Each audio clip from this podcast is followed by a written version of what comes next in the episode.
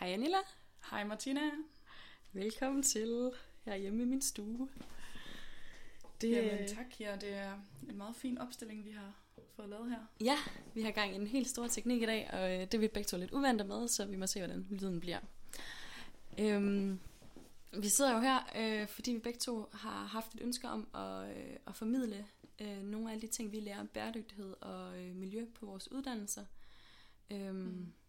Og, og begge to har brug for at være lidt mere øh, sådan aktive aktivister i forhold til miljø og bæredygtighed og klima. Og, ja, lige præcis. Ja. Øhm, det kan være, at vi skal starte med at præsentere os selv og fortælle, hvorfor vi overhovedet har kastet os ud i det her vanvittige projekt. ja, lad os gøre det. Øhm, vil du starte, Martina? Det kan jeg godt, ja. Øhm, jeg hedder Martina, og øh, jeg læser vand, bioressourcer og miljømanagement på øh, DTU. Det var det, den hed. Gud, den har et langt navn. Ja, den har et fantastisk langt navn. øhm, som egentlig bare er en øh, ingeniøruddannelse, der handler om miljø. Ja. Sagt på en fancy måde. Øhm, og det har jeg læst i øh, et tre et halvt år og er blevet færdig som bachelor. Og tillykke. Tak, tak, tak. ja, lige her før jul. Øhm, og, øh, og det er der, jeg kender dig fra. Mm. Og jeg er sådan lidt fra Aarhus, mest af alt. Øhm, mm. Men bor herovre i København nu. Og, øh, og bruger bare helt vildt meget tid på at tænke på miljø og klima og bæredygtighed i alle mulige afskygninger. Øhm, ja, mm. det var lidt om mig. Yes. Jeg øh, hedder Angela, og jeg er fra lige nord for København, men jeg bor også i København nu. Og øh, har mødt dig på DTU, mm. hvor vi har læst bacheloren i miljøteknologi med det lange fancy navn. Mm. Og nu er jeg ved at fortsætte på kandidaten i miljøteknologi. Og jeg har også en bachelor i antropologi fra Københavns Universitet. Ja, fra den gang man måtte det. ja, fra den gang man måtte det. Det var okay. God virkelig tider. godt, at jeg nåede det. Ja. Jeg er meget glad for. Øhm, ja, så det er ret spændende at kombinere de to ting, synes jeg. Øhm, det kommer vi sikkert også ind på. På en kan jeg forestille mig. Ja. ja. Krydsfeltet. Øhm, jeg er også blevet mere og mere øh, interesseret i og opmærksom på bæredygtighed i, i hverdagen, tror jeg, og vores klimaaftryk, øh, konsekvenserne af vores hverdagshandlinger, som man ellers ikke nødvendigvis bliver opfordret til at tænke over. Mm. Øhm, og det er noget, øh, vi to har talt om. Det kunne være fedt at øh, prøve at videreformidle. Og derfor den her podcast. Derfor sidder vi her. Ja. Helt klart. Det er rigtigt. Øhm, ja, altså sådan lidt mere i dybden, så, så har det for mig den sidste måned handlet om, at, at jeg har læst nogle, nogle bøger, øhm, især en, der hedder Hvad skal vi svare? Mm. af Rasmus Willing og Arne Johan et eller andet, øhm, som, som er en bog, en sociolog og en filosof har skrevet mm. omkring, øhm, hvordan vores samfund er, og hvorfor vi ikke... Øh, hvorfor vi måske ikke reagerer så meget på, på de klimaproblematikker, der findes, som vi burde. Øhm, og de kalder det selv sådan lidt et opråb, lidt et kampråb, og, øh, og opfordrer lidt til, at, at hvis man synes, at, at man har set, hvor, hvor store øh, konsekvenser øh, mennesker har haft på miljøet, så er man også ligesom, øh, så bør man også gøre noget aktivt, på en eller anden måde tage aktiv, aktiv del i at, at sprede den viden og, mm og være aktiv i forhold til det. Øhm, og jeg har været rigtig aktiv sådan indad til i mit eget liv de sidste for år efterhånden i ja. forhold til at gøre alle mulige ting anderledes i min hverdag. Ja. Men, øhm, men jeg synes ikke rigtigt, at jeg har været så god til at formidle det videre. Og jeg synes faktisk også, det er rigtig svært at formidle videre, sådan for eksempel til venner og familie og sådan noget. Ja.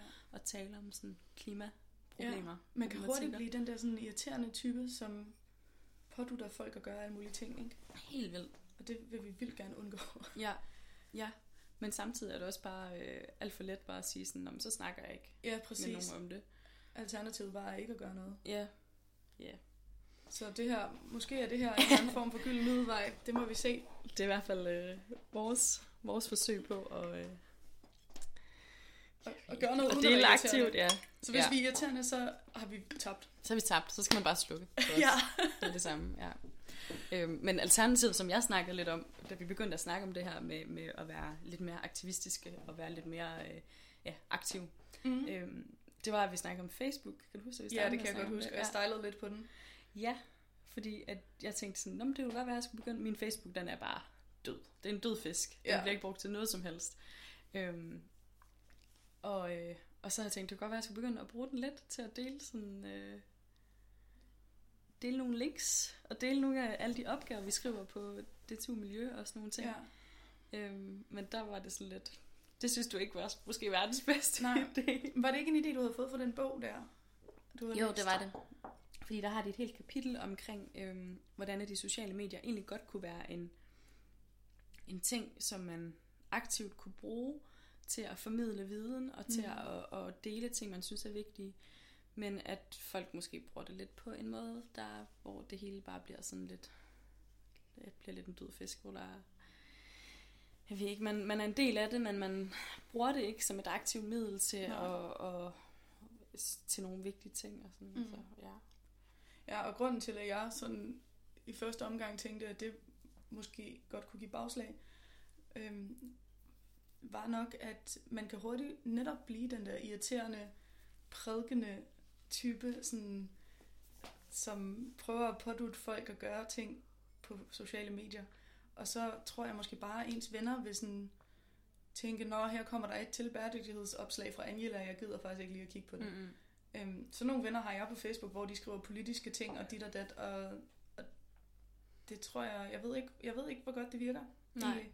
Jeg tænker også, selvom man tit er enig med dem, så går der bare ikke lang tid før, at ved 4. 5. opslag, så gider man ikke. Altså, så, så scroller man forbi det. Man får ikke lige kigget på det. Ja, Og sådan, Ja. hvilket, hvilket er ærgerligt, fordi at, at det netop er et medie, der godt kunne, kunne blive brugt til noget konstruktivt. Altså, Helt klart. øhm, og der er sikkert også nogen, der kan finde ud af det. ja.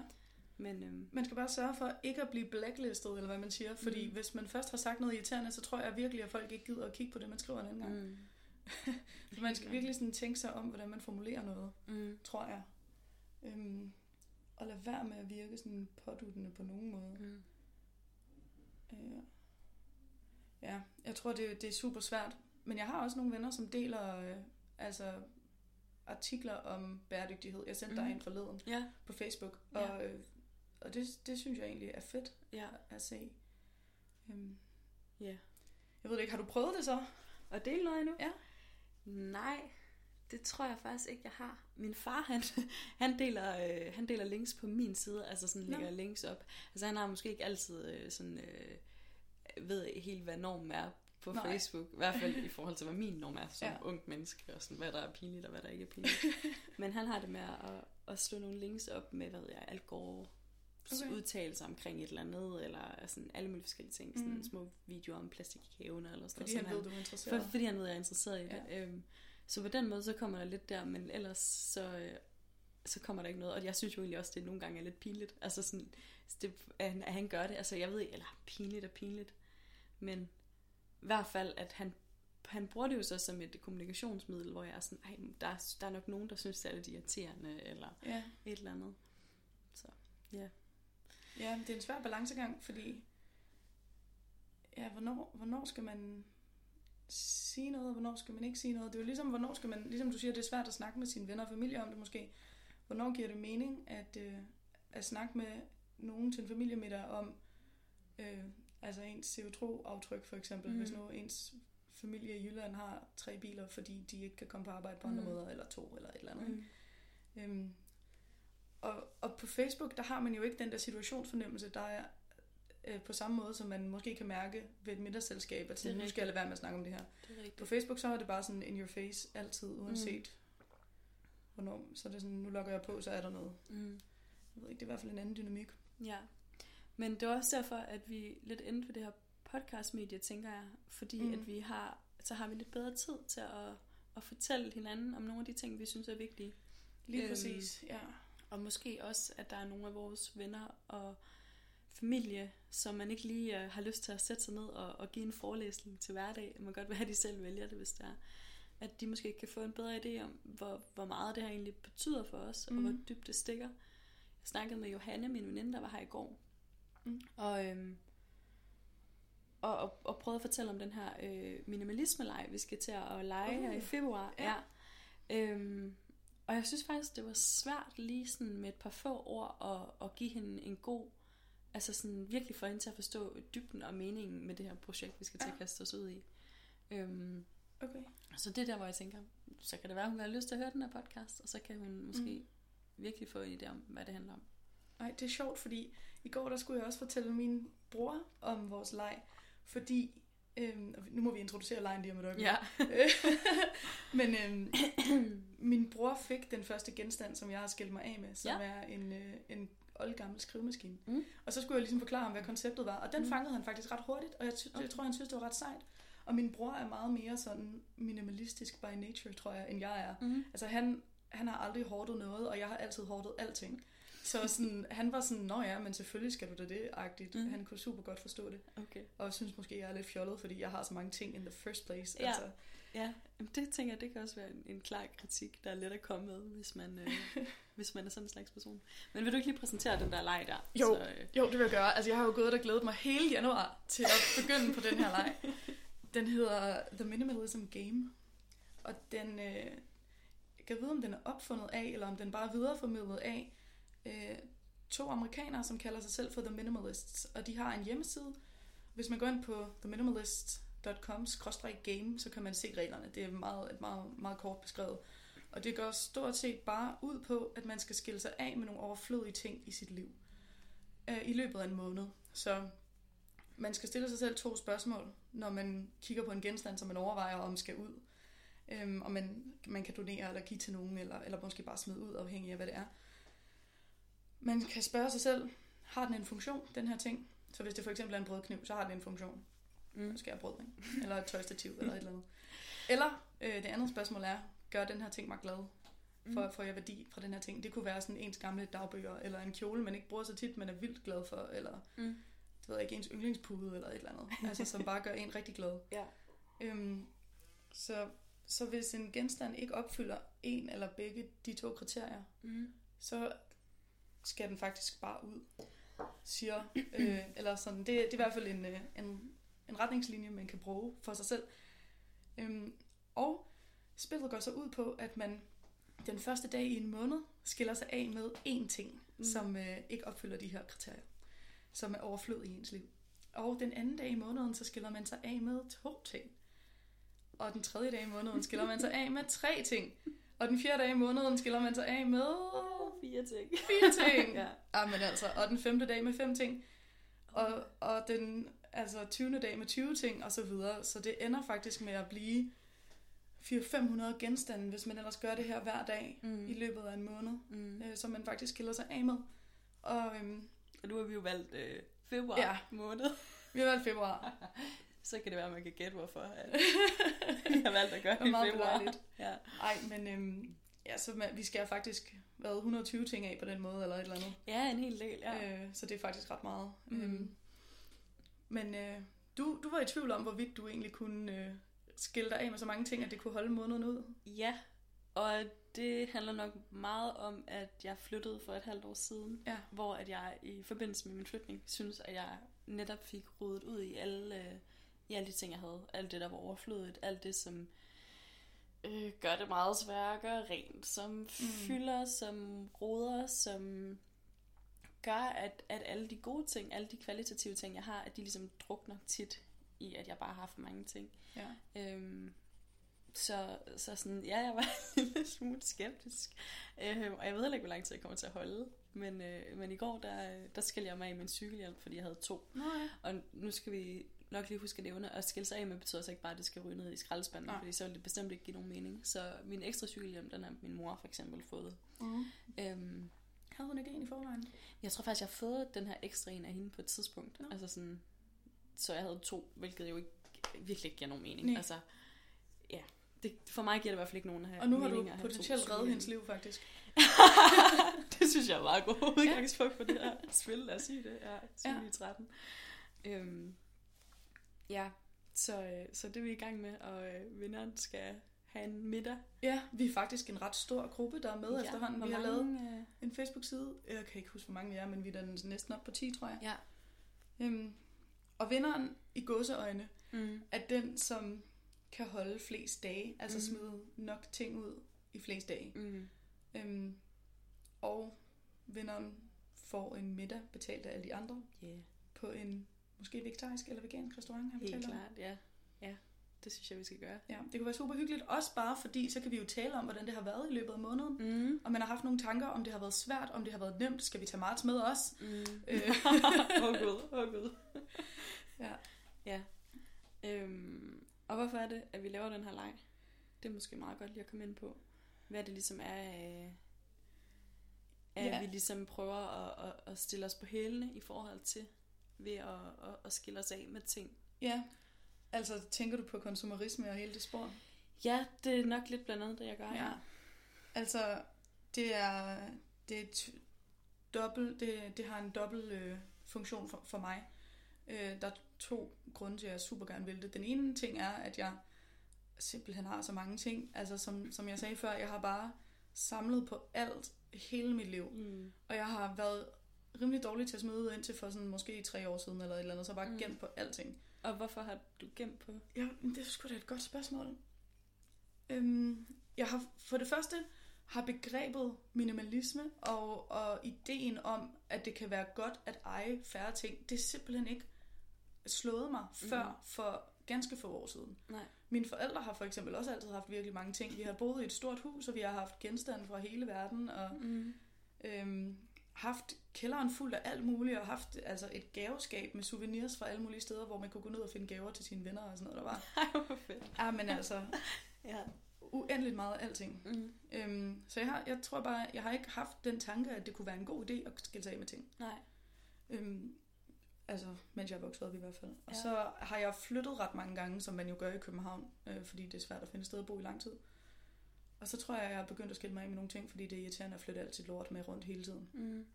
Øhm, og så er jeg langsomt begyndt at blive bevidst om nogle, nogle bæredygtighedshensyn. Begyndt at blive bevidst om det miljøaftryk, ens tøj egentlig har. Og om, at lykken måske ikke er at eje så meget som muligt. Mm. Øhm, ej, og det kan vi snakke om i meget lang tid. Mm. Øh, Mm. det har vi lige skrevet opgaver om på DTU faktisk. Øhm, I miljøetik. Mm.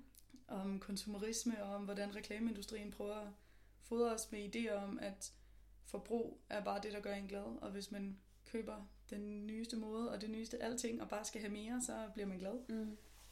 Og altså, jeg, jeg får et rush, når jeg køber tøj. Det vil jeg gerne indrømme. Jeg synes, det er pissefedt at shoppe. Ja. Og jeg har virkelig skåret ned på det de sidste par år, og sådan, det, det, er, det er et afsavn, jeg har valgt Det er et afsavn. Ja. Ja. Jeg sad faktisk i, øh, i en, en sauna-gus i går, Nå. og havde sådan en helt øh, aha-oplevelse i forhold til den værdi, jeg sad og, og, og fik i en øh, altså sådan fysisk nydelse af at sidde i en sauna. Ej, hvor vildt. Og, og, og nyde det, og have den her oplevelse, men som ligesom ikke indebar noget forbrug af ja. Et eller andet, vel? Altså sådan, og så kom jeg til at tænke på, på sådan de sidste 10 år af mit liv, hvor jeg ligesom har haft lidt penge mellem hænderne i hvert fald, lommepenge og whatever.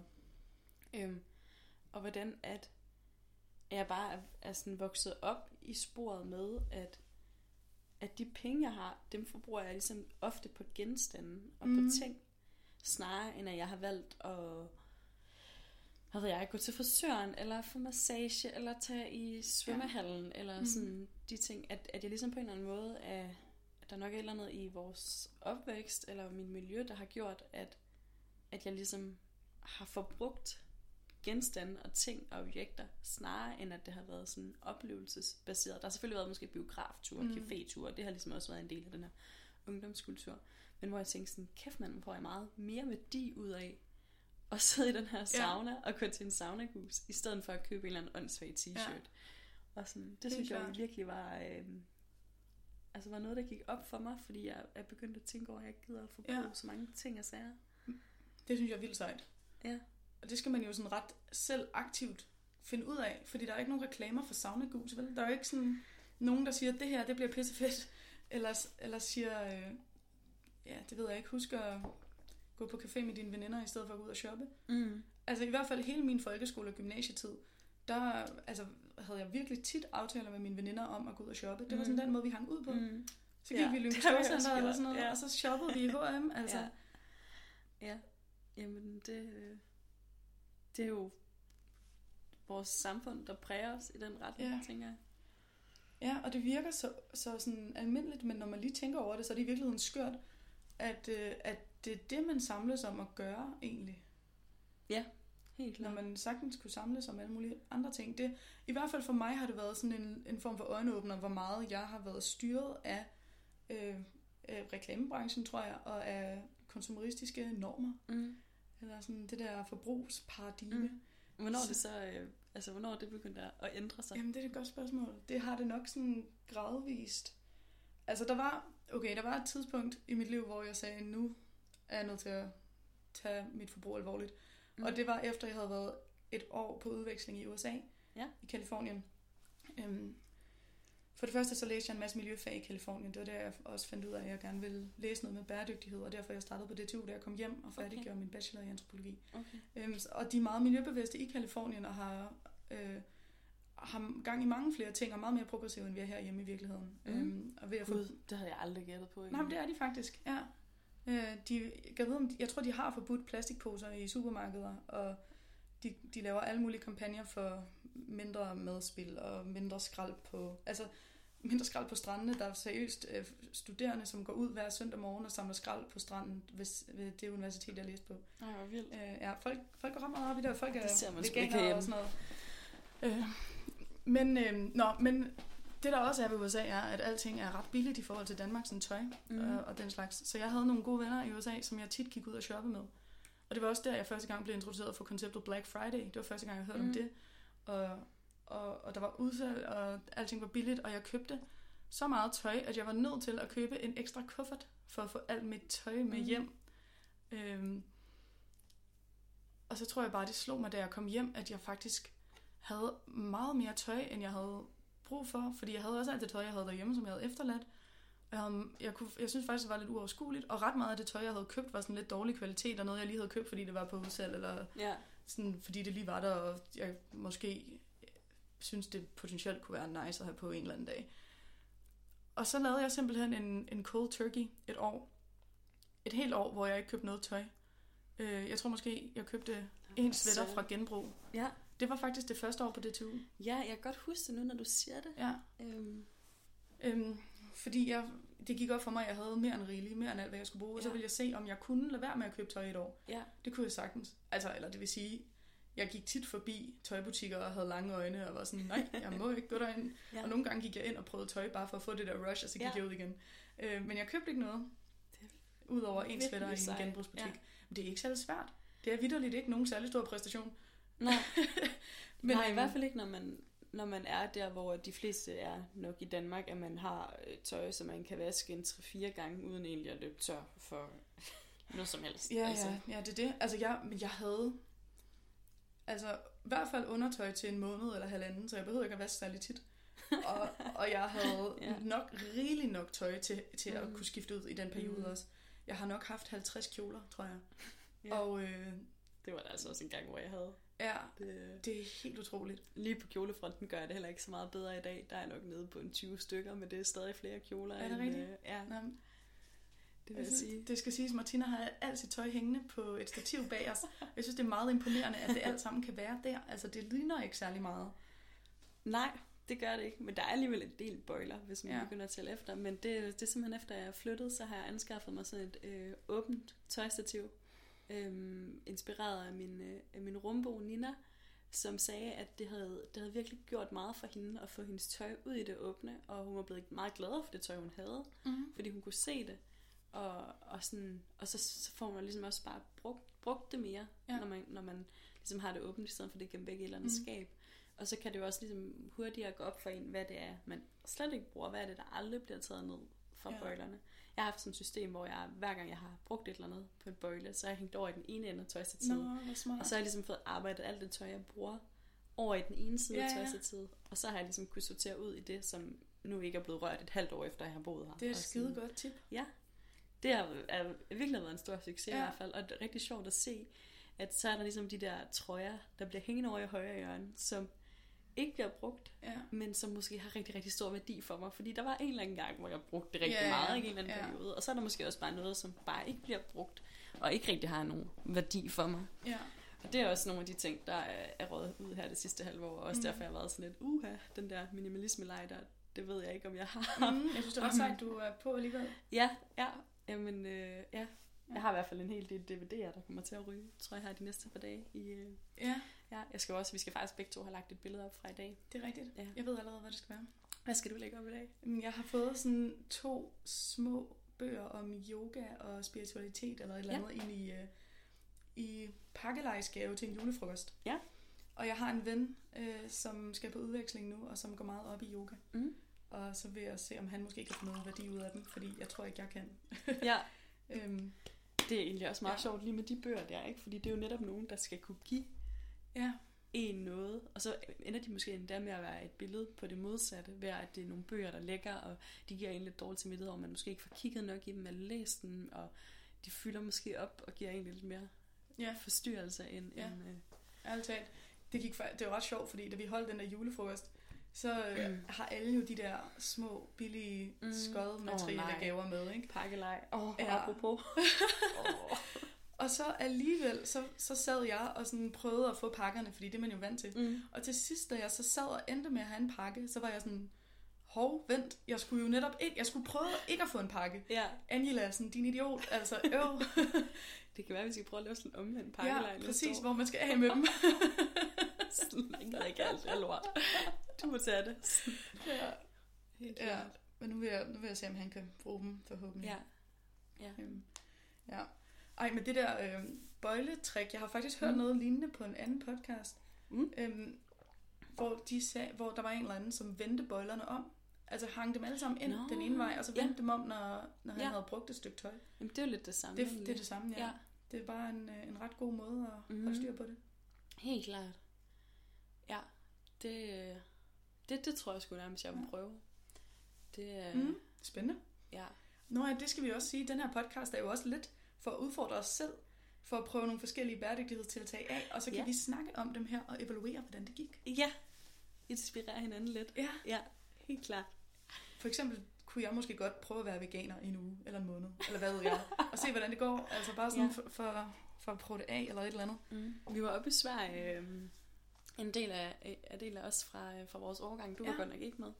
Men øh, der, der har vi jo lavet vegansk aftensmad, fordi Kasper, en af vores medstuderende, han er veganer. Ja.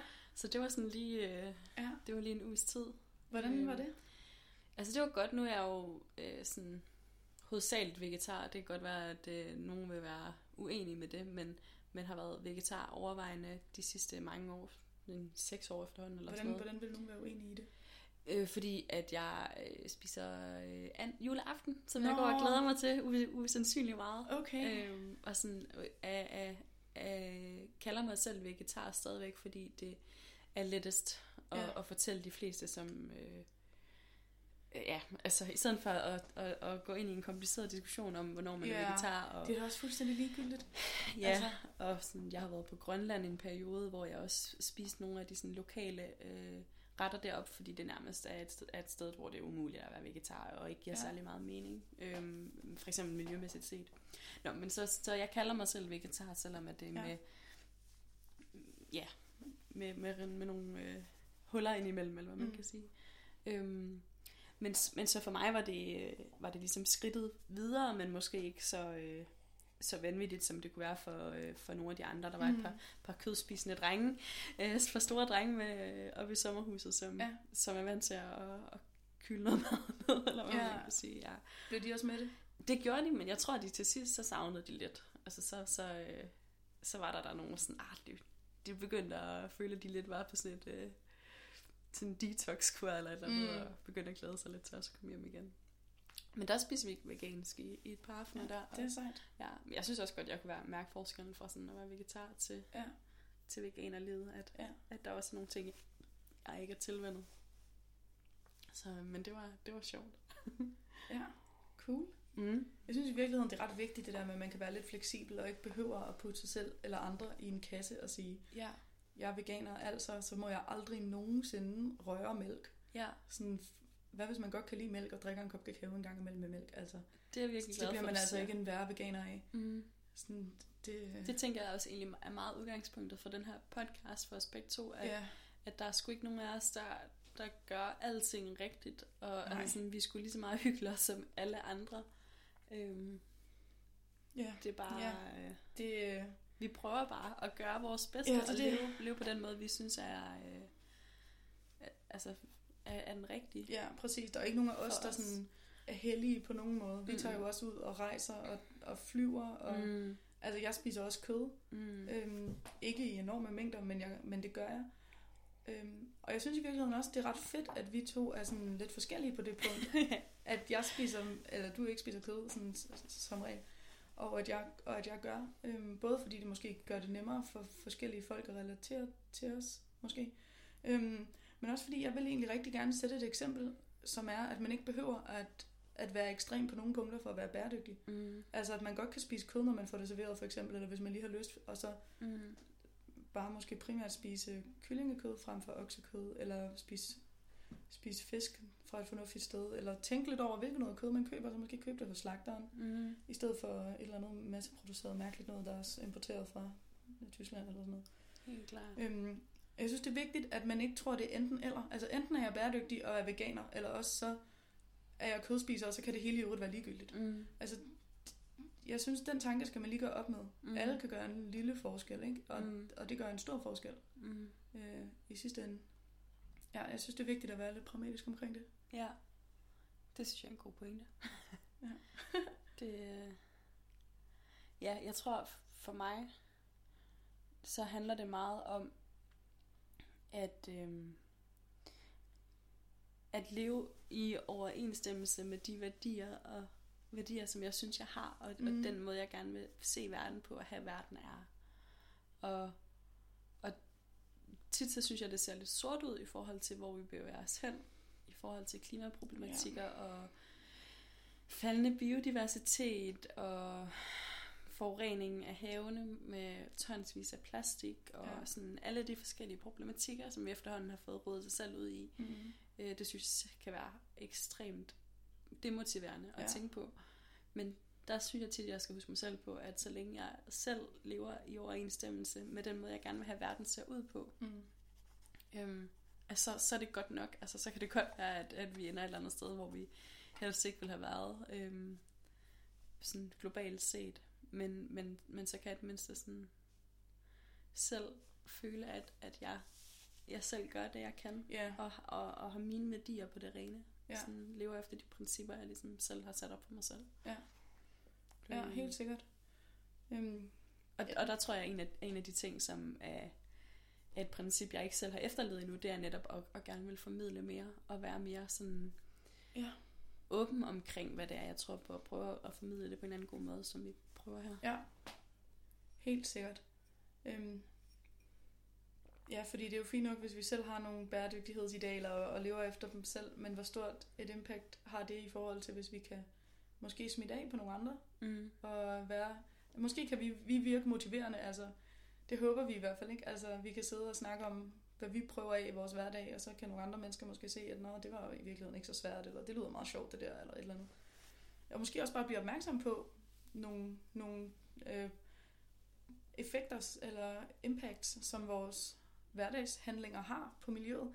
Det er noget af det, som jeg godt kunne tænke mig at fokusere på i virkeligheden også i den her podcast, er øhm, at fjerne den distancering eller den afkobling, der er fra vores handlinger i hverdagen til de globale påvirkninger i forhold til klimaforandringer, Ja. øhm, i forhold til ja, miljøimpact, kan vi sige. Ikke? Mm. Øh, fordi når vi, for eksempel, når jeg har købt tøj, lad mig tage mig selv som eksempel, når jeg har købt tøj som en gal i, i 10-15 år af mit liv eller et eller andet, så har jeg været fuldstændig afkoblet for de konsekvenser, det har haft. Mm. Mm. Øh, jeg har overhovedet ikke tænkt på den produktion, der er foregået i Bangladesh. Mm. Overhovedet ikke tænkt på, hvordan det har bidraget til klimaforandringer, og hvordan der ifølge FN om i 2050 står 50 klimaflygtninge banker på døren. Mm. Eller 50 millioner. 50 Mhm. millioner klimaflygtninge. Mm. Øhm, det er fuldstændig vanvittigt at tænke på. Og ens, altså selvfølgelig er man ikke egenhændigt skyldig i alt det der, men, men ved at have så stort et øh, globalt CO2-aftryk, som man har i den vestlige verden, så, øh, så bidrager man bare til det. Mm. Øhm, og det, det, det mærker man ikke øh, på samme måde som... Altså man mærker ikke den direkte effekt. Jeg synes, Miki Gjerris, ham, øh, øh, hvad skal vi kalde ham, miljøetikeren. Mm. Bioetiker Øhm, på ja. Københavns Universitet. Ja. Ja. Han havde et godt eksempel, som var, at hvis man spiste en masse slik, så ville man få ondt i maven ret hurtigt. Ja. Øh, og det var sådan en ret direkte feedback-effekt, ikke? Mm. Øhm, og så ville man finde ud af, at det var en dårlig idé, det lader være med at gøre en gang. Mm. Men øhm, hvis vi bare øh, forbruger der ud af, eller lever af oksekød hele vores liv, så vil vi aldrig få ondt i maven. Eller det vil vi måske, hvis det lige er oksekød, men altså... Øh, men altså, så vil vi ikke mærke nogen, noget direkte impact på vores krop, som kan sige, nu stopper det her, nu, nu er der en stopklods. Fordi klimaforandringerne sker hurtigere andre steder, oversvømmelser mm. og, og naturfænomener er kraftigere andre steder end i Ja. Danmark. Øhm, så, så derfor er vi bare afkoblet fra vores handlingers konsekvenser, og det er det, der gør det så farligt i virkeligheden. Mm. Men der tænker jeg, at vi er en ret speciel generation lige nu, fordi at vores, øh, altså de tidligere generationer især nok har været meget afkoblet fra effekten, men at vi på en eller anden måde begynder at være den, en af de første generationer, som også begynder at mærke konsekvenserne Ja. af det, og netop kommer til at opleve måske øh, i, i stigende grad øh, klimaflygtningen, og Mm. begynder at kunne se de her øh, forøgede eller forværrede øh, vejrfænomener, Ja. ja. og altså sådan, ja, begynder at, at kunne se konsekvenserne rent faktisk, og kommer til, kommer til det i stigende grad, mm. Jo, jo ældre vi bliver.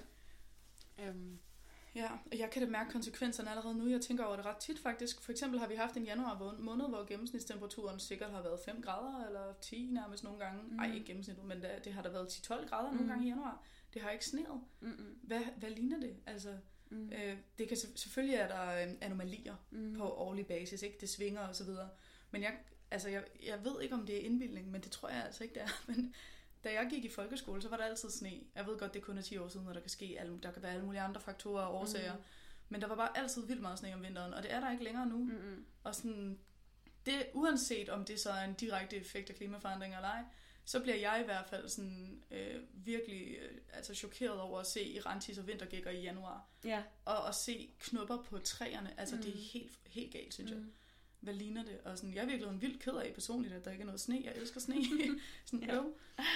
Og øhm, en, anden, en anden ting, jeg oplevede sådan meget konkret for ikke så lang tid siden, var, at jeg skulle øh, flyve hjem fra min gode venindes bryllup i Mexico. Ja. Jeg skulle flyve over Houston i USA.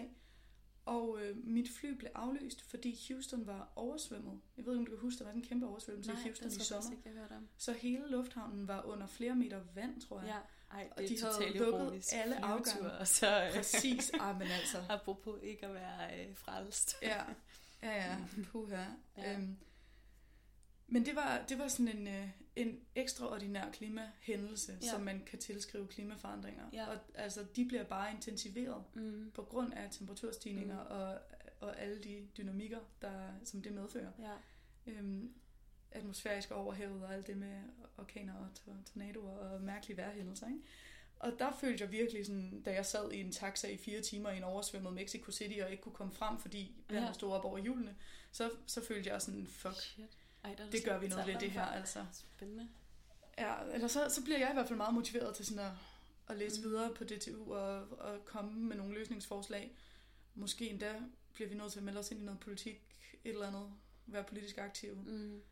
Altså, ja, jeg følte i vir- virkeligheden virkelig, at det var sådan presserende at, øh, at gøre noget ved det. Og netop fordi jeg mærkede det meget på mig selv. Altså, det kom meget tæt på. konsekvenser, ja. Ja. Og så flyver man hjem til Danmark, og, Og så så glemmer er, man det. så er det sgu ikke så slemt, vel? Så er der lidt i rentis, og så det gør Ja. jo selv lidt varmere. Det er Ja, også... ja, det er rigtigt nok. Ja. Ja, man kan fandme godt hurtigt blive, øh, sådan, øh, kom, blive for behagelig. ja.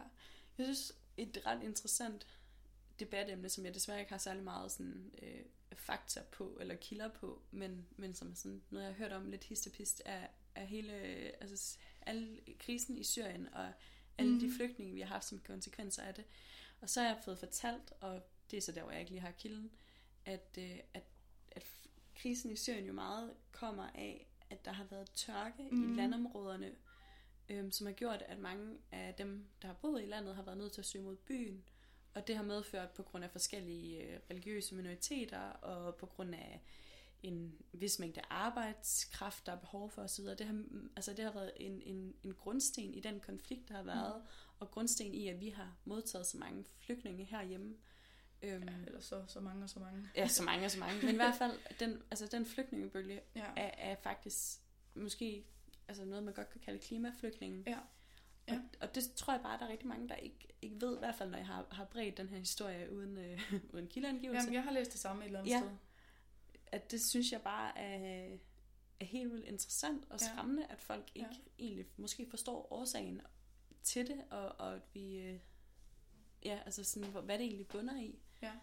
Og det her, det er faktisk måske noget, vi, vi altså er de første rigtige konsekvenser, som vi mærker, i hvert fald sådan på det Ja. sociale plan i Danmark. Så ja, Ja. Og der kommer kun flere, hvis det fortsætter. Ja. Hvilket det gør. det her det er ligesom Altså top, sådan- toppen af isbjerget, ikke? Jo, det kan man sige. Ja. Meget apropos. Meget på, ja. Alle de isbjerg der. Ja. Ja. Men øhm, Øhm, jeg, jeg vil faktisk lige tage os tilbage til den der leg. Ja. Fordi jeg lavede lige en note om, at øh, jeg sagde, at der var to ting ved minimalisme-lejen, som var, som var vigtige. mm, Øhm, den ene var det med, at jeg havde for meget clutter, som de kalder det, altså for mange ting, der fylder og er irriterende. mm. Øhm, nå, men den anden er, at sådan, nu prøver vi jo den der minimalisme-leg, men hvad har Mhm. den med bæredygtighed at gøre? Ja, Altså, hvor er koblingen der? ja. Øhm, og der kommer vi jo tilbage til konsumerisme og Ja, vores Det var aftryk. vi også lidt inde på. Ja. Ja. Øhm, altså, fordi hvorfor skulle man... En CO2-aftryk bliver jo ikke mindre af, at man smider nogle ting ud til genbrug. Mm. Mm-mm.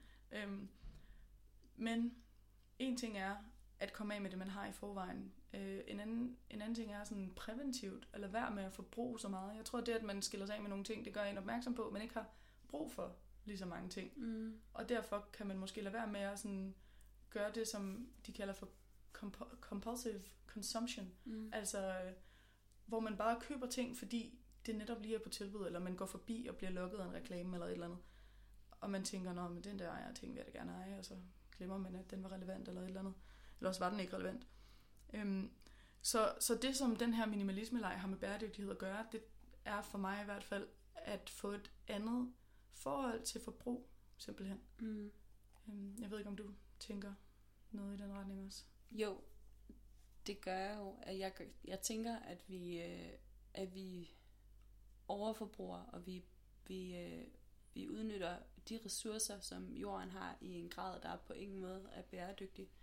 Øhm, jeg ved, Ja. at, at FN de har øh, en fremskrivelse, der siger, at vi i 2050 vil have brug for tre jordkloder, Ja. hvis vi skal opfylde øh, det samme forbrug, som vi gør i dag. Ja. Så det er jo meget ud med udgangspunkt i det, at jeg prøver at ændre mine forbrugsvaner. Ja. Og det, og det, det, det der med at ændre vaner, det synes jeg er, er lettest at gøre, hvis man sådan siger, nu kigger jeg rent praktisk på, hvor mange sokker har jeg? Ja. Hvor mange sokker har jeg brug for? Hvordan sørger jeg for, at jeg ikke bare køber flere sokker, når der er huller i nogen, eller køber dem bare for at købe dem? Ja. Jeg så kigger på, hvad er det egentlig kvalitativt af de her antallet af sokker, der har værdi mm. for Mhm. mig. Og så ligesom måske sørge for at skille mig af med de andre. Mm. Og så Mhm. sørge for at, at reparere dem, jeg har, og bruge dem, jeg har, og være glad for dem, jeg har.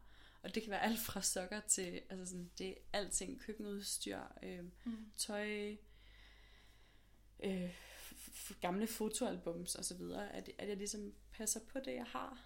Ja. Og sørger for at reparere det, hvis det går i stykker. Og sørge for at, at sætte mig i nogle, selv ind i nogle vaner, hvor jeg ikke bare øh, køber noget mere af det, Ja. når Ja. jeg har lyst til det. Så kan det være, at vi lige skal dele et godt tip om det med fotoalbums. Hvis man gerne vil ja. minimere fotoalbums, så det vil sige, hvis man ikke gider at have dem stående og fylde, men man gerne vil beholde de der billeder, Mm-hmm. så, øhm, så kan man tage billeder med sin telefon, eller med et kamera, whatever, af siderne, eller af de individuelle billeder, og så uploade billederne i en mappe på sin computer, og så kan man faktisk skille sig af med det der fotoalbum. Mm. Det samme gælder for gamle postkort. Jeg har gjort det med postkort, jeg har gjort det med mine Roskilde-armbånd. Mm. Dem har jeg skilt mig af med. Det var sådan lidt... Øh, uh. Ja. Men jeg har taget billeder af dem, og øhm, jeg har taget, taget billeder af en hel masse postkort. Jeg har gemt postkort siden jeg var 10 år, tror Mhm. jeg. Så jeg har simpelthen haft poser med postkort for folk. Ja. Øhm, og nu har jeg stadig minderne, men jeg behøver ikke at slippe rundt på alt det materiale. Nej, og så kan alle postkortene måske øh, ryge i, ja, hvad, papir? Ja, genbrug. Ja, ryge Ja. til papir og blive til nogle fine æggebakker eller et eller andet andet. Ja, præcis. Det kunne da være dejligt. Præcis, ja. Og det, jeg synes, det er en spændende pointe, du har der med øhm, jordens øh, endelige ressourcer. Hvad hedder det på dansk egentlig? Finite resources. Ja, at der ikke er uendelig... Ja, øh, præcis. At vi kun har en endelig mængde, vi kan Netop. bruge. Ja. Så hvis vi skal blive ved med at opretholde det forbrug, vi har nu, hvilket, hvilket jo per definition ikke er bæredygtigt, øh, så øh, altså det kan vi ikke for det første. Og for det andet, hvis man skal overhovedet gøre sådan nogen forhåbning om at kunne producere lige så meget, så må man begynde at øh, oppe genbrugsandelen af det, man smider ud. Mm. Ikke? Altså simpelthen lave flere produkter af genanvendt plast og genanvendt metal og Mm. øh, ja, pap, det ved jeg ikke om man, altså det bruger man jo mest til ikke bare at gøre den slags, ikke? Øhm, og genan, genanvende elektronik i rigtig høj grad. Øh, så ikke bare de ender nede i de der altså telefon, gamle iPhone-telefonbjerge i øh, Afrika rundt omkring, og bliver dumpet alle mulige steder, hvor folk er sådan lidt socialt udsatte i forvejen. Det ved jeg i hvert fald foregår i USA. Ja, Øh, man skal prøve at søge på, på billeder af sådan øh, mobil affaldsbjerg, Ja, ja, så kan man puha. få nogle virkelig øh, vilde billeder frem Ja. af Nokia telefonbjergene. Ja. Alle de der telefoner, vi engang havde. Og de det er jo, ender det er jo jordens ressourcer, som man har, man har taget ud af, af systemet, mm. puttet ind i nogle telefoner, og så dumper man dem bare. Mm. I stedet for at genanvende det, altså, Ja. eller bygge det, så det er nemt at genanvende måske. Mm. Det er der også nogen, der begynder at gøre. For eksempel Fairphone øhm, Mm. laver det, sådan at man kan udskifte delene enkeltvis og så Nå, ja, videre. det er rigtigt. Det er ret spændende. Øhm, ja. Jeg har faktisk øh, jeg har ikke købt en telefon i fem år, tror jeg. Hvis Nej. ikke mere. Jeg har altid arvet mine brødres gamle telefoner. Ja. Øh, fordi de har købt telefoner, og så har de haft telefoner, som virkede fint. Altså, Mhm. så har jeg bare fået dem. Ja. Og jeg har, jeg har sådan en ambition om ikke at købe flere telefoner resten af mit liv. Og få dem... Øh, Bare få dem second hand, ja. ja. Eller købe dem brugte. Det tæller måske også. ja det kunne man måske også. Ja. Min iPhone i hvert fald lige nu, det er en brugt. Brugt Ja. en af slagsen. Cool. Og Ja. den fungerer godt, eller hvad? Den fungerer så fint. Der er to års garanti på, ligesom hvor alle fedt. mulige andre produkter. Og faktisk er de nærmest mere flinke og venlige til at, at reparere noget, hvis der skulle være noget med den. Ikke? Fordi det jo netop er en brugt en, Ja. og den skal leve op til nogle krav om, at den skulle ja. kunne fungere. Det er jo også noget, der netop bliver nødt til at tage fart, det der med at få repareret ting. Yeah. Øh, også tøj og Ja. Altså lave ting af bedre kvalitet, mm. som kan holde længere og som skal repareres i stedet for at udskiftes. Ikke? Mm. Øhm, det, leder, det leder mig lige tilbage på den opgave, vi skrev på DTU for nylig om, øh, om forbrug, og vi fandt ud af, at øhm, produkter i Danmark har en garanti på to år, Mm. og hvis de går i stykker inden for de to år, så har man ret til et nyt produkt. Mm. Det, er nok, det er nok ikke ny viden for mange, men jeg tror, at det vi... Det var ny viden for mig i hvert fald. Var det ny viden for dig? Nå, okay. Ja, For var mig, der var, det, der var det ny viden at begynde at tænke over, hvorfor det lige kun er to år. Hvorfor Ja, er det præcis. ikke fire år eller Lige fem præcis. år? Og det... Ja, men så fandt vi jo ud af, at der havde været et lovforslag i 2015, eller sådan det omkring, tror jeg, om at udvide det til fire mm. år, tror jeg, måske det var. Mm. Øhm, fordi Sverige og Island og måske nogle andre nordiske lande allerede har en længere produktgaranti, end vi har i Danmark. Mm. Og øhm, jeg tror, argumentet... For, altså, det blev, ikke, det blev ikke ført igennem i Danmark. Øh, argumentet var et eller andet med, at resten af Europa jo ikke var med på bølgen. Mm. Øh, og et eller andet øh, åndssvagt, synes jeg. Øhm, og, i, og i virkeligheden er det sikkert, fordi der er nogen, det ved jeg ikke, men der kunne godt være noget industrilobby, som ikke vil have, at man ændrer det, ikke? fordi de kan jo tjene flere penge, jo flere produkter de sælger. Mm. Øhm, og vi foreslog så i vores opgave, at man skulle tage det op til debat igen, og prøve at se, om man ikke kunne få udvidet øh, holdbarheden, øh, garantien på produkter. Øhm, ja, fordi hvis man gør det, så, øhm, så skal man producere færre ting, men producere det i bedre kvalitet, man har større incitament til at øh, få det repareret. I det hele taget bevæger man sig mere over imod et bæredygtigt forbrug, hvis man forbruger ting af bedre kvalitet, som kan holde længere, i stedet mm. for bare at købe en ny transistorradio, eller hvad hedder de der, DAB-radioer. Ja. Øh, man kan jo få en til 700 kroner nærmest, ikke? og så Ja. går den i stykker efter et år, og så køber man en ny. Altså. Eller efter to år Mm. måske. Og, eller en, der kan endda være det der, der hedder planned obsolescence, altså at der er indbygget i et elektronikprodukt, at det skal blive langsommere, eller blive defekt mm. Mm. efter to år, eller den garanti, der nu er på det. Sådan at man hellere vil købe et nyt produkt, end at, end at øh, blive ved med at bruge det, man har, eller få det repareret. Apropos det, så har jeg noget, jeg gerne vil vende tilbage til næste gang i vores Ja. næste afsnit. Fordi min computer gik jo i stykker i går, selvfølgelig lige før vi skulle til Ja. at sætte hele det her show op med alle lydudstyr. Øhm, den vil simpelthen ikke starte. Altså den er bare, jeg har, sat øh, strøm til og prøvet lige at tjekke batteriet og så videre, men den, den er bare sort. Mm. Øhm, og så, er jeg så, øh, så tog jeg så ud i går. Øh, den, det er jo sådan en computer, der er købt brugt, og den har været så fin og holdt i tre og et halvt år og sådan noget, hvilket egentlig jeg synes er meget godt, i hvert fald når jeg hører om folks Mac-computer, at Ja. de tit ikke holder så og det er en Lenovo, igen. ikke også? Det er en Lenovo, ja. Og den har været brugt før. Og den har været brugt, ja, den er købt brugt. Øhm, så den har jo egentlig holdt godt. Ja. Men jeg har så taget ud med den i går, og, øh, og nu betaler jeg 200 kroner for at få tjekket, hvad der er galt med den. Mm. Øhm, og den har kostet 3.000 kroner, tror jeg cirka, oprindeligt. Okay. Øhm, og så kommer det jo til at være lidt et dilemma om, hvad, hvis nu den kan repareres, hvad oh, det ja. lige bliver, og altså hvor meget det bliver, og hvad, hvad mit... Åh, oh, det er spændende. Ja, hvad der ligesom vil... Øh, om jeg skal reparere den her computer, eller om jeg skal købe en ny. Hvad der kan betale sig. Oh, Både økonomisk og- dilemma. Ja, det synes jeg lidt, det kommer til at Helt være. sikkert. Ja. Ej, hvor spændende. Og nærmest allerede, allerede de der 200 kroner var noget, der sådan...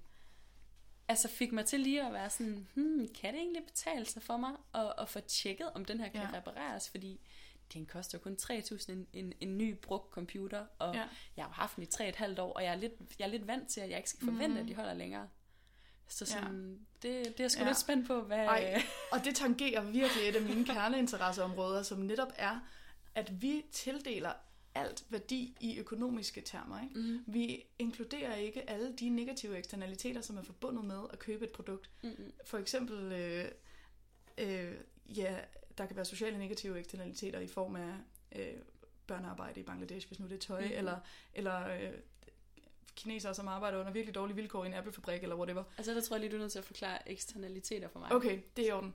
Øhm, eksternaliteter er simpelthen en del af omkostningen ved at producere en genstand, øh, som ikke er medregnet i produktets økonomiske pris. Okay. Øhm, jeg skrev bacheloropgave om, om det faktisk på antropologi, om eksternaliteterne ved frisk frugt i Kalifornien. Det kan vi lige bruge som eksempel. Mm. Øh, bær, helt specifikt. Så man kan købe en bakke jordbær meget billigt i Kalifornien i supermarkedet. Okay. Fordi det bliver dyrket i, øh, i øh, Kalifornien. Øhm, der er både negative øh, miljøeksternaliteter og sociale eksternaliteter. Det var de sociale, jeg fo- fokuserede på, fordi det jo var antropologi. Mm. Og det indebar, at der var ulovlige meksikanske øh, immigranter, som øh, gik og havde elendige arbejdsforhold og fik dårlige øh, altså ryg og dårligt helbred i det hele taget. Øh, af at gå og arbejde under den bane sol og til virkelig, virkelig lidt øh, løn Mm. plukke de her bær. Så de bliver altså ikke kompenseret for deres arbejde på en færre måde. Ja, Altså, at, så der, de har betalt en del af prisen, altså for jeg kan købe billige for at du kan købe billige bær, lige Okay. præcis. Og en anden ting er, at der bliver brugt pesticider i et væk, som selvfølgelig synker ned i jorden og påvirker hele øh, miljøet Mm. øh, omkring jordbærdyrkningen. Og det kan man så sige er negativ miljømæssig øh, eksternalitet. Så det vil altså sige, at når man har negativ eksternalitet, så er der nogle andre et sted i systemet, som betaler prisen, Mm. som du ikke betaler. Det er jo det, vi- jeg tænker, at vi som vestligt samfund er er i høj grad udsat for hele tiden. At Lige præcis. Der er så mange andre, der betaler regningen Tror, for os. tror vi seriøst, at en t-shirt fra H&M kun koster 50 kroner? Velgørt nej. Det er jo fordi, der er nogen, der overhovedet ikke er blevet betalt nok et eller andet Mm. sted i Pakistan, ikke? Ja, og sikkert også noget vand, der er Og noget- øh, lige blevet præcis. forurenet af nogle farvestoffer. Lige præcis. Altså, øh, ja. Øhm, men det kan vi snakke længere om. Jeg er meget farvet. Øhm, men tilbage til din computer. Ja. Øhm, det er det der med at tillægge noget økonomisk værdi. Mm. Det har, din computer har jo ikke kun økonomisk værdi. Øh, den har også miljømæssig værdi. Mm. Altså, den, den har også lavet et klimaaftryk, Mm. som er et antal kilo CO2-ekvivalenter. Lad os sige det, ikke? Mm.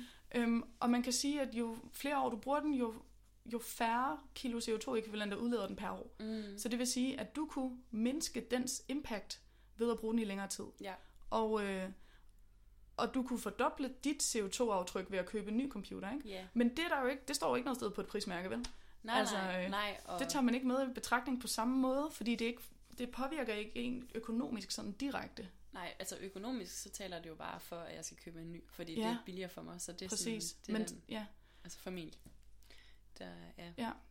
Men jeg, jeg synes selv, at det er dilemma, jeg, jeg støder på Mm. nærmest, nærmest dagligt faktisk. At jeg skal vælge, om jeg gerne vil betale flere penge for noget, der så er mere miljøvenligt. Mm.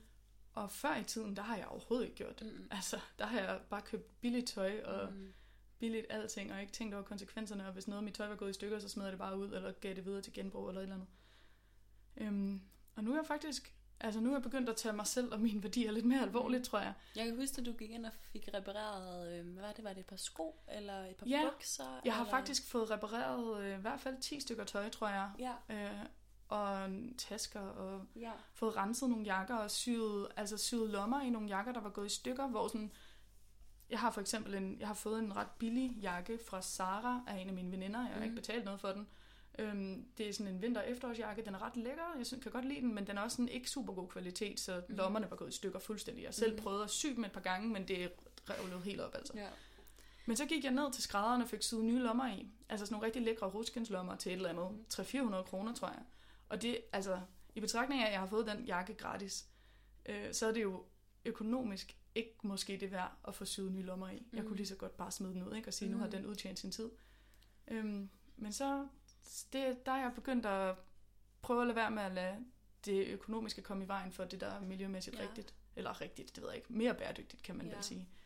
Ja, det er der, hvor jeg tænker, at, øh, at jo flere, der gør det, jo mere vil det økonomiske også forskubbes til, at det så ligesom også er rentabelt, og, og at man får en positiv økonomisk gevinst af at gøre det, jo flere, der gør det. Så, for så bliver skrædder billigere, så kommer der flere øh, Så kommer der ombud, Ja, og flere, der gør det. Og så, Og en anden ting er, at øh, vores samfund er jo baseret på produktion. De fleste, de fleste er afhængige af produktionsjobs på en eller anden måde. mm.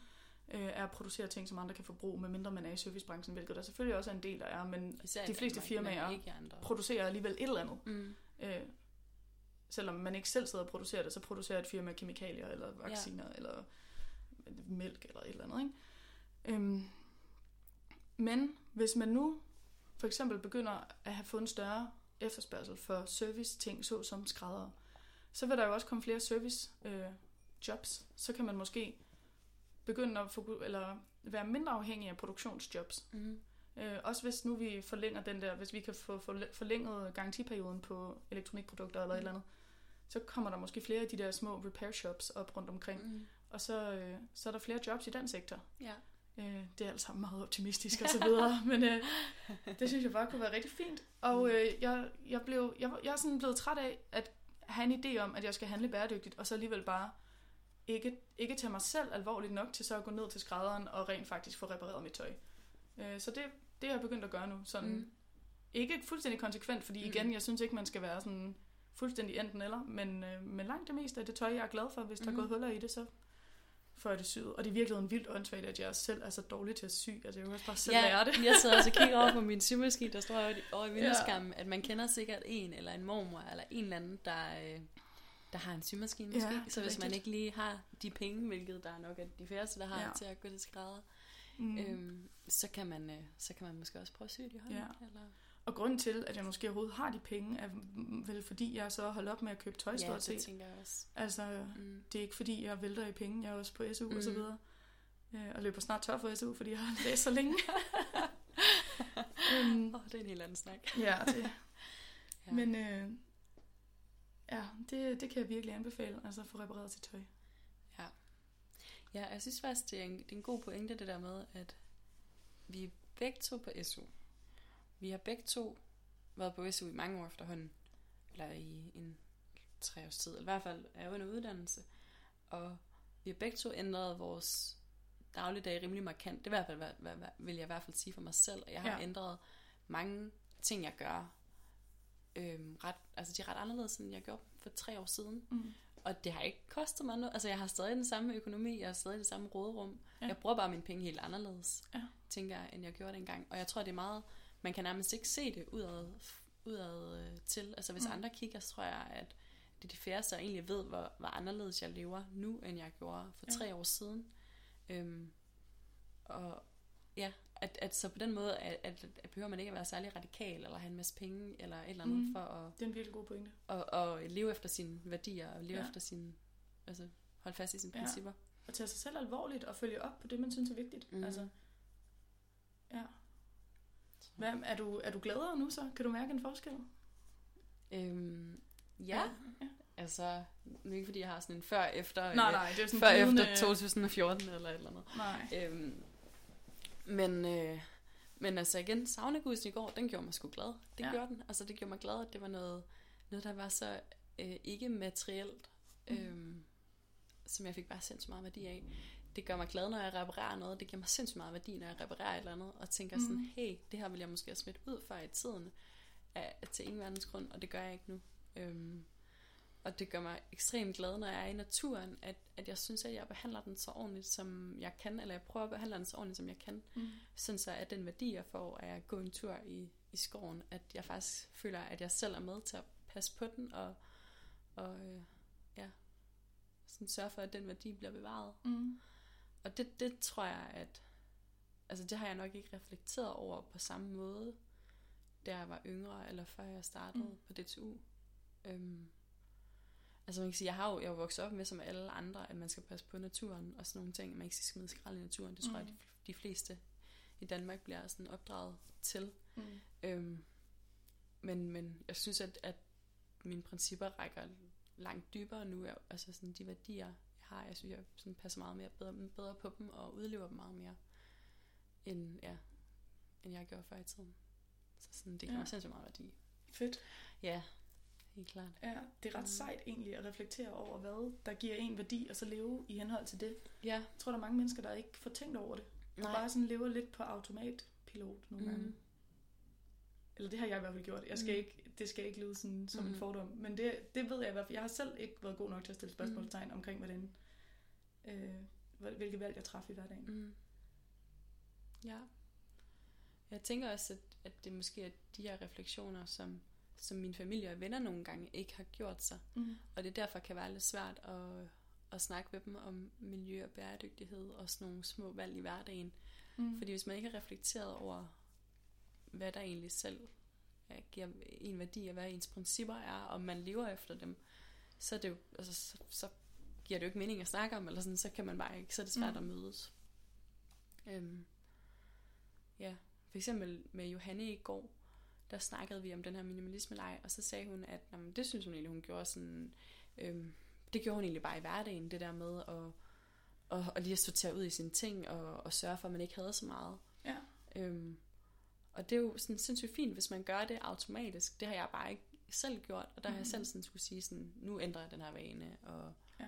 nu gør jeg noget andet, fordi, fordi det her, det her, og ligesom have sådan tankerække omkring, det gør jeg, fordi jeg i sidste ende ikke vil være med til at drive rovdrift på øh, vores ressourcer på jorden. Mm. Øhm, ja, det kom lidt ud af en tangent. Nå, ja, men det må jeg gerne. ja. Um, det er også en, en af grundene til, at vi laver den her podcast, er faktisk bare for at øve sig i at tale om bæredygtighed, ikke? Mm. Helt vildt. Det er svært nogle gange. Ja, det men det, jeg i hvert fald. Og det bliver jo nemmere af, at vi begge to går op i det. Uh, men det kan være, at vi skal mm. invitere en gæst ind, som måske slet ikke tænker over det. Åh oh, gud, ja. Og så se, om vi kan sådan have en samtale på sådan nogenlunde øh, Ja, jeg tænker også, måde. når vi sidder og snakker her, så er det eksternaliteter, det er CO2-aftryk. Der er, altså, vi er jo rimelig præget ja. af det, vi er i. Ja, det er klart. Og vi vil jo også gerne have, at det bliver øh, koblet til noget fagligt. Vi vil jo gerne ud med noget af den viden, vi egentlig har for vores mm. uddannelse. Ja. Øhm, fordi der er mange podcasts, så vidt jeg har set i hvert fald, som fokuserer rigtig meget på øh, for eksempel, øh, hvordan man selv kan få det bedre ved at eje færre ting. Eller, ja. eller hvordan man selv kan øh, have, det ved jeg ikke, gøre nogle bæredygtige ting i hverdagen. Men det handler meget lidt om de øh, effekter, det så har på mm. miljøet og på jordkloden. Mm. Og og øh, altså alt det miljøtekniske, det er der ikke så mange, der snakker om. Og mm. det er også fair, fordi det, altså, det er teknisk og besværligt og røvkedeligt nogle gange. men, øh, men jeg synes, det egentlig er, er vigtigt at have noget af det med en gang imellem. Ja. ja. Øhm, vi, det kan være, at vi, vi kommer med nogle små ting og formidler det meget forsigtigt. Det må vi prøve. Ja. Nå, lige, lige for at samle op på det der, du sagde med øh, at bruge penge på service i stedet for på ting. Ja. Saunahus. Ja. Yay. jeg har lavet et nytårsfortsæt. Det kan jeg ikke huske, om jeg fortalte dig. Nej, det ved jeg ikke. Jeg plejer ikke egentlig at lave et nytårsfortsæt som sådan, men øh, jeg lavede et i år, som er, at jeg skal bruge flere penge på services end på genstande i ja. år. Ja. Så jeg har lavet et Excel-ark, hvor jeg har skrevet alle de ting, øh, alle de services op, som jeg har brugt penge på, og alle de genstande, jeg har købt. Ja. Og indtil videre har jeg sådan, jeg har købt en cykellås, fordi øh, min anden gik i stykker, og ja. jeg har købt nogle vatpinde og sådan nogle lidt random ting. Mm. Øh, men jeg har ikke købt så mange materielle ting egentlig. Jeg, jeg tror, jeg havde en idé om, at det ville blive svært. Det tror jeg måske ikke længere. Ja. Det ved jeg ikke. Det må vi se. Men altså, jeg har Altså, jeg har kommet mig selv i forkøbet, og jeg har været til frisør og til massage, ligesom du sagde, Mm. og begyndt at bruge penge på mig selv på en anden måde. Mm. Øh, altså, før i tiden, så ville jeg tænke, ej, massage, 300 kroner for en halv time, det har jeg overhovedet ikke råd til. Mm. Mm. Men selvfølgelig har jeg det, hvis jeg så bare lader være med at købe den der taske til 600 kroner. Mm. Altså, så kan jeg, ja. Ja. Så det handler om at, at bruge penge på mig selv på en anden måde. Ja. Øh, ja, så det, det bliver sådan meget spændende i år mm. Mm. at se, om det bliver svært, og om det kan lade sig gøre. Mm. Det er i hvert fald en, en klar sådan, motivationsdriver. Sådan, hvordan kan jeg forkæle mig selv? Ja. Men på en mere miljørigtig Fordi det måde. handler jo, sådan, altså det, jeg synes noget af det vigtigste er, at det handler seriøst ikke om, at man skal lide afsavn, eller man skal sådan, altså deprive sig selv. Mm-mm. Altså, øhm, ja, det, man, skal, man skal ikke tro, at man sådan bliver nødt til at være en hulemand, og aldrig røre ved en ost, og sådan, altså aldrig købe nyt tøj igen, hvis, Hvis man skal leve i øh, Ja, fordi selvfølgelig så, bliver man da, så, vil man, så begynder man ikke engang at overhovedet overveje at gøre noget anderledes, hvis man tror, det er der, man skal hen. Mm-mm. Øhm, ja, det handler om at have det mega fedt. Ja. Og så Ja. bare Ja, på en, vær på den, mm, øh, vær på den grønne gren. Ja, bare være på en grøn gren. måde. Ja, på en grøn måde. Ha' det fedt på en grøn måde. Mm, Ja, helt sikkert. og det kan man altså godt. Det kan man godt. Og man Det kan for eksempel, lide, for eksempel så retfærdig, jeg, gør, jeg retfærdiggør, at jeg, jeg er begyndt at købe tøj i Karen Millen, som er min yndlingstøjbutik. Hun laver det flotteste tøj, og det er så dyrt. Men, men hvis jeg så men så tror jeg også bare, det holder de næste 15 år, Ja. har jeg en idé om. Ja. Øhm, ja, så sådan, på den måde, så kan man jo pludselig, eller jeg kan retfærdiggøre og forkæle mig ting med nogle ret lækre ting, mm. og så ikke købe lige så meget af det. Mm. Mm. Det synes jeg egentlig er ret lækkert. Ej, skal vi ikke lave en tøjbattle på et tidspunkt, hvor vi sådan prøver at, at se, hvor mange genstande vi har af de forskellige, og holder så det op jo hinanden. helt vildt meget. Men jeg tror ikke, det skal handle om, hvem der har færrest. Det skal bare handle om sådan, mm, at prøve at sådan, øh, finde ud af, hvad vores, hvor, hvor, hvor, hvor vi Jo, ligger henne. Det er en super god idé. Det vil jeg gerne. Ja, Vi kan sælge alle, alle vores forskellige tøjgenstande. ja. Altså er for eksempel, det tror jeg nok, jeg har syv par bukser. Og det ved jeg, fordi jeg har syv par bøjle, bøjler ja. Til bukser. Okay, Så det, er sådan, det har været lidt mit ja. Udgangspunkt for, hvor mange bukser jeg må have. okay, ja. Men øh, Ja. ja. det kunne være lidt sjovt for sådan Det kunne være super sammenligne, sjovt. hvor, hvor Det er vi jeg egentlig henne. Ja. Ja. Hvor Men så, ligger vores øhm, standarder? Så skal jeg op og hente mit sommertøj på loftet. Ja. Ja. Jeg, ja, det er, jo, det er jo måske også et tip, det ved jeg ikke, men jeg, jeg pakker altid mit sommertøj væk, når Mhm. det er vinter, og mit vintertøj væk, når det er sommer, så ikke det behøver at ligge og fylde i skabet. Ja. Øhm, så jeg har i virkeligheden Så meget mere tøj, end man lige ser i mit skab. Ja, det er nemlig lidt sådan en ny garderobe-agtigt. Det Det er ret fedt. Og sådan, Bortset fra, ja. jeg tænker i Danmark, ikke? Ja. Bruger man så ikke bare sit vintertøj sådan Hele året. 90 procent? Ej, men jeg har sådan nogle rigtig tykke svætre og sådan noget, som jeg ikke bruger om sommeren. Okay. Øh, og sådan uldunderbukser og den slags. Ah, okay. øhm, Ja. men jo, det er nok mest sommertøjet, jeg pakker væk i virkeligheden. Mm. Sådan lige de Øhm, der Men jo, det er en rigtig god idé. optimistiske t-shirts og shorts. Ja, ja, præcis. ja. Og sådan, min, min tøjstil er også begyndt at ændre sig lidt, vi, nu hvor jeg ikke ligesom er 22 længere. øh, så jeg går ikke lige så meget i mavebluser for eksempel, Ej, som jeg, føler, gjorde. Jeg føler mig gammel, når du siger det. Ej. Nej, men det er også, jeg synes faktisk, det er en fed ting. Nu føler jeg, at jeg kan retfærdiggøre at gå i det der lidt mere classy Mellon tøj, okay. for eksempel. Ja. Jeg synes, det er en super jeg nice godt ting. Og sådan, det gør mig ikke noget, at jeg ikke har lyst til at gå i de der mega korte shorts længere. Mm. Altså, det er sgu okay. Fantastisk. Ja, men det synes jeg er en super god idé. Det kan være, vi skal overveje at gøre det til næste Mm. podcast. Øhm, Men var det Ja. øh, det, vi havde øh, her for i dag? ja, jeg, skal vi gå videre? Øh, vi har jo lige en ting, inden vi siger farvel og Mm. tak. Det er dagens idé, og vi har egentlig lidt været inde på det jo. Ja, og sådan lidt en inspiration. Øh, noget, man lige øh, kan, kan, kan tage med, hvis man har Ja. lyst, eller hvis man lige mangler et input. Ja. Ja. ja. Øhm, jeg kan lægge ud med mm. at anbefale noget, som i hvert fald har fanget mig helt vildt meget den sidste måned, Mm. øh, som er en podcast. Og det skal siges, at jeg har reelt aldrig nogensinde hørt podcast før. og det er derfor også lidt skørt, at vi skal til at lave en nu. Øh, men jeg synes Det er jo faktisk... mit yndlingsmedie, jeg ja, har men det er et påduttet dig her. skide godt medie, og det har jeg så nu fundet ud af, lidt Ja. forsinket. Øhm, men det er altså, jeg vil anbefale en podcast, som hedder The Minimalist, som altså er de her to fyre fra USA, som, øhm, som jeg snakkede om tidligere, og som har øh, ændret deres liv radikalt fra at være en del af det der kapitalistiske, pengefixerede øh, Forbrugs. forbrugssamfund, ja, Mm. fuldstændig, til at sige deres job op og skifte øh, stort set alt i deres liv ud og fokusere på det, der egentlig var væsentligt for dem. Og nu har de sådan en podcast, hvor de snakker om, hvad der bringer værdi til, til deres hverdag, Mm. kan man sige. Og der er folk, der ringer ind og stiller dem spørgsmål og sådan noget. Og de er bare rigtig rare at høre på. Altså, Mm. ja, de har nogle super gode idéer og, og tanker, og de er meget sådan øh, unjudgmental. Mm. Øh, hvad hedder det? Ufordømmende. Ja, præcis. Ja. Og de siger netop også, at der er, sådan, der er mange måder at være minimalist på, og Mm. de er ikke ude på at presse noget ned over hovedet på en. Og det synes jeg er super sympatisk. Ja. Og det er, lidt, det er lidt en af de ting, vi har taget til os. Det er sådan Ja. lidt sådan en min- minimalistisk tilgang. Øh, men det, det er kun en ud af, en af, ud af mange ting, som vi nok kommer til at snakke om. Ja. For os er det ligesom en del af, af sådan en, af en, en form for hverdagsaktivisme og hverdagsbæredygtighed, øhm, Mm. ja, som optager os. Så øhm, Hvad med Ja. dig?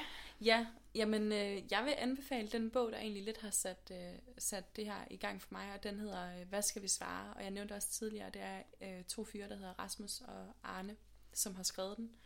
Øhm, og den, den handler om, øh, hvad skal vi svare vores børn, når de spørger om øh, 30, 40, 50 år.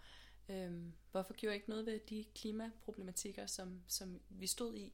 Øh, hvorfor gjorde jeg ikke noget ved, at biodiversiteten er så faldende, som den er, at der er mange arter, der forsvinder, og øhm, hvorfor, hvorfor gjorde jeg ikke noget ved det?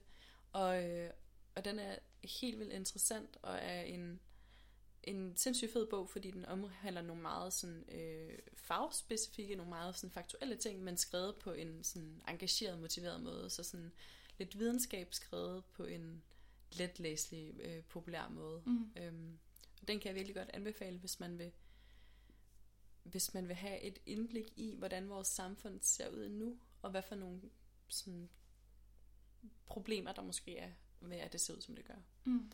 Øhm, så det, det, Spændende. øh, den vil jeg gerne videregive. Den er virkelig inspireret mig meget. Fedt. Spændende. Jamen, øh, så siger vi tak og farvel for nu.